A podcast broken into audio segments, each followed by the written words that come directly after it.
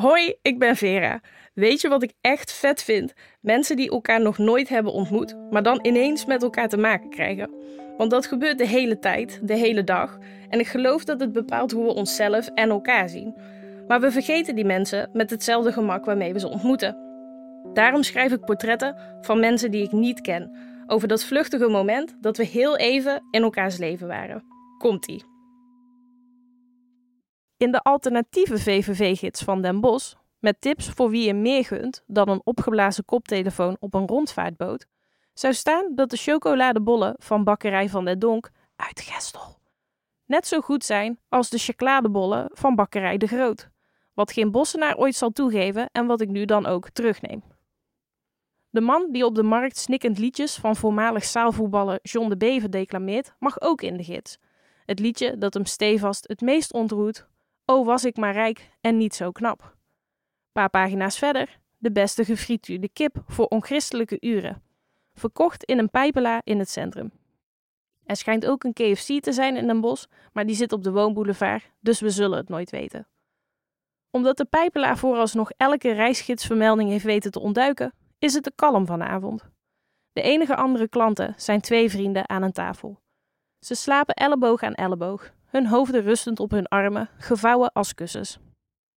Voor het vervolg van dit verhaal zou het handig zijn als ze iets minder op elkaar hadden geleken, die jongens. Maar hun donkerblauwe Philip Plein shirts, gebleekte jeans en platgelopen Nike's laten me geen andere keus dan ze voor nu even aan te duiden met vriend nummer 1 en vriend nummer 2. Mijn broertje bestelt te veel eten. De kiphutman komt achter zijn toog vandaan en gooit tevreden de deur achter ons op slot. Verkopen hoeft vanavond niet meer. Dan duwt hij de slapende jongens, hardhandig, volgens hem al voor de twintigste keer. Ze liggen hier al een uur, ik heb de politie gebeld. Hij brult naar ze, klapt in zijn handen, dreigt een kuipje zoetzure saus te gooien. Geen respons. Een kwartier later, onze bestelling gaat nog wel even duren volgens Kipman, want zijn broer is thuis even extra vleugels halen, klopt iemand op de deur achter ons. Drie wouten. Ze worden binnengelaten en porren, schudden, roepen de slapende maten vergeefs. Wanneer een van de wouten in haar vingers knipt, vlak voor de ogen van de vriend nummer 1, zie ik hem voor het eerst bewegen. Een bloeddoorlopen oog knipt het open en kijkt omhoog. Eerst geërgerd naar de agent, dan vragend naar mij. Bé? Ik hou mijn schouders op. Hij valt terug in slaap. Vriend nummer 2 hangt inmiddels tussen de twee andere agenten in. Zijn ogen zitten nog dicht, maar hij is wakker. Met zijn hand probeert hij een sigaret in zijn mond te stoppen. Niet veel later staat hij buiten. De sigaret ligt binnen, op de grond. De agenten vragen of ze iemand voor hem en zijn maat kunnen bellen. Ja, grinnikt hij, de ogen nog altijd gesloten. De Wouten. Wanneer hij zelfstandig staat, sturen ze hem richting een taxi die hem nooit gaat meenemen, doen de deur achter hem dicht en wagen nog een poging met vriend nummer 1, die in een plas van zijn eigen spuug ligt.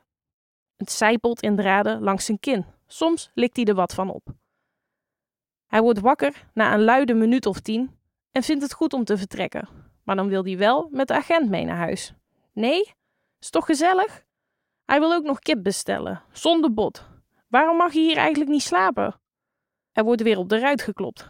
Vriend nummer 2, die naar buiten was gestuurd om een taxi te zoeken, wordt in deze staat door geen enkele chauffeur meegenomen en wil terug naar binnen.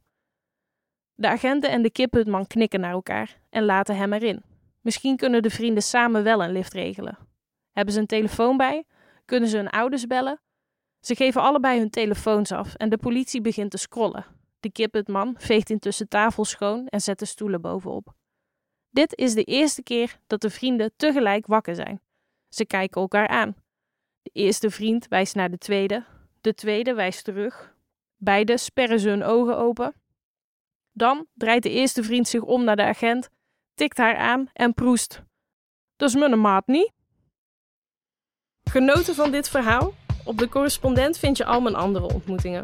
Het zijn er een stuk of honderd, dus je kan je lol op. Ben je nog geen lid van de correspondent? Ga dan naar decorrespondent.nl slash wordlid. Houdoe!